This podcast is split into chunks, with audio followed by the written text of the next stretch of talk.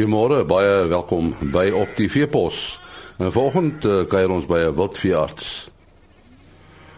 Uh, Dr. Sampi Ras is 'n veearts op Palabora en hy het uh, onlangs 'n swart witpensbul se sleg gebreekte been gered. Nou normaalweg as 'n as so dier sy sy been breek dan dan skiet 'n mens hom of hoe maak 'n mens uh, Sampi?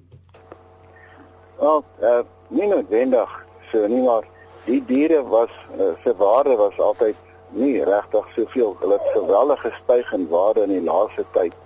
So ons het al meestal in die ou dae geskiet omdat dit eintlik nie die moeite werd was nie. Maar nou kos hulle miljoene rande party van hulle. En daar moet nou 'n plan gemaak word. Dis niks niets hierdie nie. Eerste wêreldoorlog, Tweede wêreldoorlog tegnologie om die eksterne fiksators aan te sit. Maar uh, Ons het eintlik basies maar eintlik baie min aangesit omdat dit eintlik ehm um, uh, dit was nie die moeite werd nie. Hierdie fiksators is nogal duur geweest. Wat nou toevallig in hierdie geval gebeur het, my vrou het haar been gebreek en toe gee die dokter vir my die fiksator en toe breek die swart witpen se been en ek sit dit in en dit nogal goed gewerk.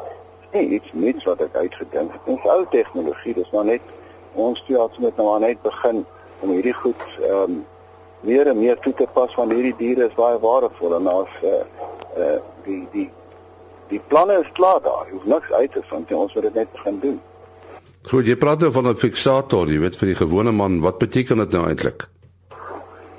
O, ek ek fiksator is maar net eintlik ehm, 'n um, apparaat wat jy aan die buitekant van die been aansit. Jy boor skroewe of penne binne in die been in en dan bou jy hierdie fiksator aan hierdie penne vas en dit hou die been in 'n normale posisie.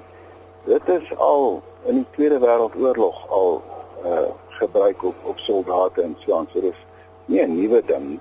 Dis net is nooit op dit word in honde en katte al redelik lank gedoen, maar uh in in groter diere is dit eintlik maar nie 'n ding wat so baie gebruik word. So as jy mens so 'n fiksator aangesit het, dan uh uit die af van die saak moet weer afgehaal word as die been nou uh reggekom het, nê. Nee. O ja, o ja, hy moet weer afgehaal word. Ek het nou onlangs 'n uh, fiksator aan 'n buffelkoei gesit wat 600 kg weeg. En die koei is in die bos in. Ons moet daar gaan soek met 'n chopper. Dis nou 8 weke, dit gaan goed. En uh so Ek weet ek is baie opgewonde. Dit is baie slegte uh, been. Die been is baie baie sleg gebreek. So ehm um, uh, dit is dit uh, lyk vir my, jy weet as ou dit reg aansit en dit sterk genoeg aan, is daar regtig baie goeie potensiaal. Uh, selfs hierdie buffelkoei, is 'n dierkoei. En ek dink hulle kan 'n miljoen rand sal betaal. So daar's nie 'n opsie dat jy net kan sê man, dis 'n slegte breek of ons kan nie so swaar ding help nie skiet daar dood. Daar's nie meer so opsie nie. So al hoe meer van ons veeartse sal moet begin uh, kyk na hierdie goed wat ons in die verlede eintlik maar net laat doodskiet het in in die tegnologie is daar. Ons moet net maar net so 'n bietjie innoveer en dink en ons moet hierdie goed begin help. Ja, jy sê nou 'n belangrike ding veral met die wildbedryf wat nou so bloei.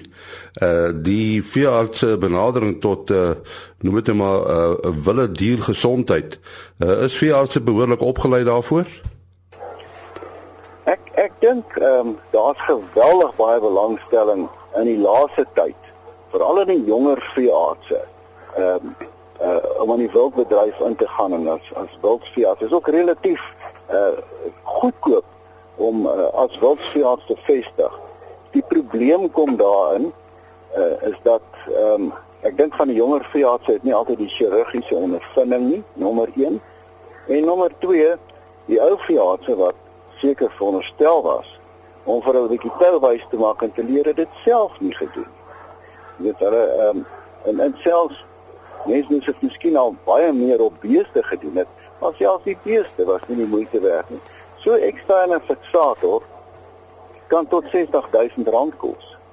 Ehm um, so jy weet dis dis uh, die die apparaat wat jy aansit is baie duur. Maar ek wil net by sê daar's ander planne. Ons moet net 'n bietjie innoverend dink wat uh, baie baie goedkoper kan word. Byvoorbeeld die skroewe wat hy insit wat R850 een kos. Jy kan gewone stainless steel dakskroewe insit wat R4 een kos. En dit gaan net so goed werk. So jy weet as jy net staar na die mediese wêreld en besluit nee, dis te duur is onmoontlik gaan jy nêrens kom nie. Ons moet begin innoverend dink en 'n plan maak en die boere het baie geld in hierdie bokke belê. Die veearts moet bykom, ons moet hulle help. Daar ja, nou die kuddeveearts het nou 'n sekere benadering tot uh, hulle werk. Hulle hulle kyk na kudde gesondheid en uh, uh en seker is dit ook voorkomend.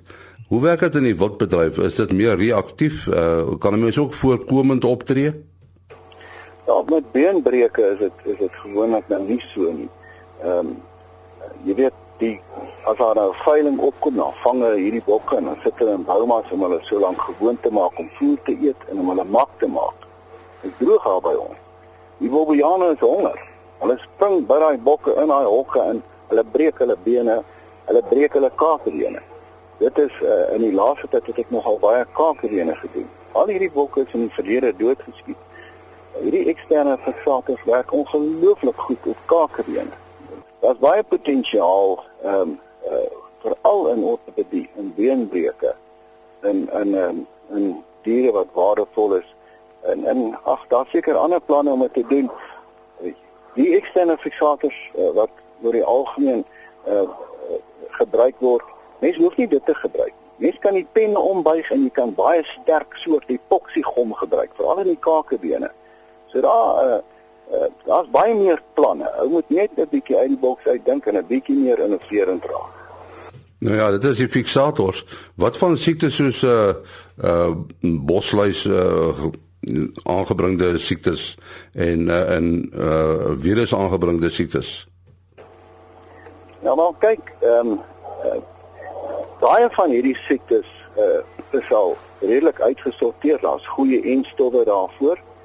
Uh die die uh van die ander siektes het ons nog nie voor enstowwe. So as jy byvoorbeeld dink spesifiek aan aan uh snotsiekte. Ons weet eintlik nog nie hoe werk dit nie. So daar word nog steeds navorsing daaroor gedoen en daar's nog nie 'n enstof nie. Daar's 'n ander baie groot probleem en dit is Daar's redelike groot probleme by die enstofvervaardiging in Suid-Afrika by onderste poort. Groot probleme met 3 dae stywe siekte enstofvervaardiging. Ek hoor selfs met 'n bloutong siekte vir uh, enstofvervaardiging en dat die boere nie altyd hierdie goed kan in die hande kry nie. En dit veroorsaak ongelooflike verliese. So ehm um, uh, maar uh, die meeste van die siektes wat ons het, kan ons voorkom, ons kan dit ent, ons kan en en, en daai navorsing en en daai uh, is, is lankal uitgesorteer. Dis net in die laaste tyd daar is die probleem om hierdie instof altyd in die hande kry. Party van hulle kry ou maklik in die hande, maar ander glad nie. Nou die die tipiese siektes wat wild kry, wat is dit? O, ehm um, kyk, wild is oor die algemeen ehm um, uh, is hulle immuun teen meeste van die siektes. Maar as jy nou hulle onder stres sit, en jy sit hulle in, in kampies en of droog. Uh, dan begin hulle siektes kry wat jy normaalweg eintlik nooit sou verwag het 'n bok kan kry. Uh, hulle kry rooi water, maar in die veld, ek dink hulle het miskien in die veld rooi water gekry. Ons het dit net in die ou dae net nooit geweet nie, né? Maar die die drie groot siektes waaroor ons bekommerd is, veral hierdie siektevrye buffels. Nommer 1 is ehm um, TB, tuberkulose. En hierdie tuberkulose is 'n siekte wat die buffels nooit gehad het nie. Ons het dit van Europa af met beeste gebring. En van die buffels het uitgebreek en kontak kom met die beeste en uh, hulle het uh, tuberkulose so opgetel en toe gaan dit in die wildtuin in en nou is al die wildtuin se buffels besmet met tuberkulose. So as jy nou 'n siektevrye buffel wil teel, dan moet jy ehm uh, buffels begin teel wat nie tuberkulose het nie, jy moet dit toets daarvoor. Die tweede ding is back and claw. Dis 'n siekte wat net in die buffels was, maar nie in ons beeste was en in in varke en in in ons uh, makgemaakte diere. So daai siekte het weer van daai kant af gekom en almal onsself en al die Europeërs en ons uitvoerlande is verskriklik bang vir hierdie siekte. So dis die tweede siekte wat jy moet beheer as jy 'n buffel wil siekte vry maak en mag maak. Dan daar derde siekte, korridor siekte. Korridor siekte is ook 'n siekte van buffels. Dit is oorgeskoorse boetie. Ehm um, dit uh, word deur boshuise oorgedra En as 'n bees hierdie siekte kry, dan vrek hy. Daar's nie 'n behandeling vir hierdie siekte nie. So dis nog 'n siekte wat jy moet kyk uh, wat 'n buffel nie moet hê. 'n Vierde siekte is besmetlike misgeboorte. Dis 'n siekte wat ehm um, ek is nou nie heeltemal seker, maar ek aanvaar die buffels het dit nie gehad nie. Ons het dit ook saam met die beeste van Europa afgebring en dit laat 'n bees aborteer. So as jy 'n siektevrye buffel wil teel, moet jy sorg dat hy nie besmetlike misgeboorte het nie. So veral nou in hierdie siektevrye buffels, uh uh hierdie siektes moet beheer word en om te sê dat daai siekte is is is, is daai buffel is siektevry, moet jy seker wees dat hy nie tuberkulose het of dat hy nie back and claw het nie dat hy nie korridor siekte het nie en dat hy nie brucellose het nie. Uh daar's ander siektes wat ook belangrik is uh wat in in wild voorkom. Maar hier is die groot siektes. Hier is die belangrike siektes. Die korridor siekte uh, is ook kom in ander allerlei ander variëteite kom onder wild voor, maar meestal wanneer hulle onder stres is en wanneer dit in 'n droogte toestande is of wanneer mense in gevangenskap aanhou. Maar uh die uh, die die siektes soos ons dit in beeste ken, knopvel siekte kan in buffels voorkom, né? Uiteindelik. En rooi water kan in buffels voorkom. Hulle eie soort rooi water, brandsiekte kom in buffels voor.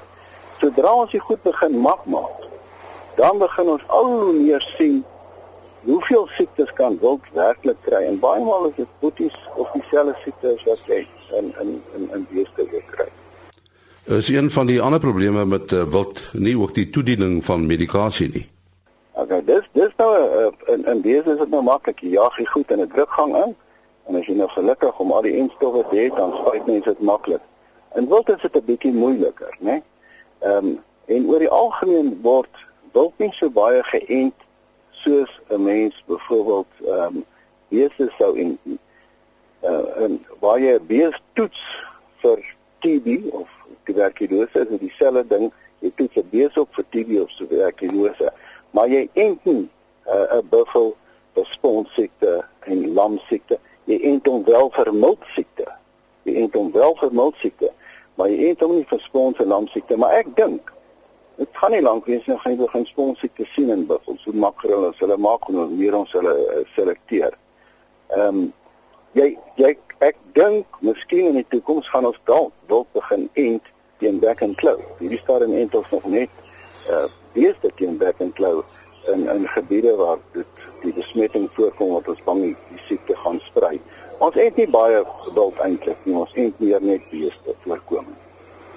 Ja, dit is dan uh, Dr. Sampi Ross, veearts daar op Palabora wat veral ook met wild werk en wat uh, die uh, sleggebreekte been van 'n uh, swart witpens bil uh, reggemaak het met eintlik 'n uh, ou metode, baie suksesvol. Maandagoggend om 4 voor 5 is ons terug. Alles van die beste.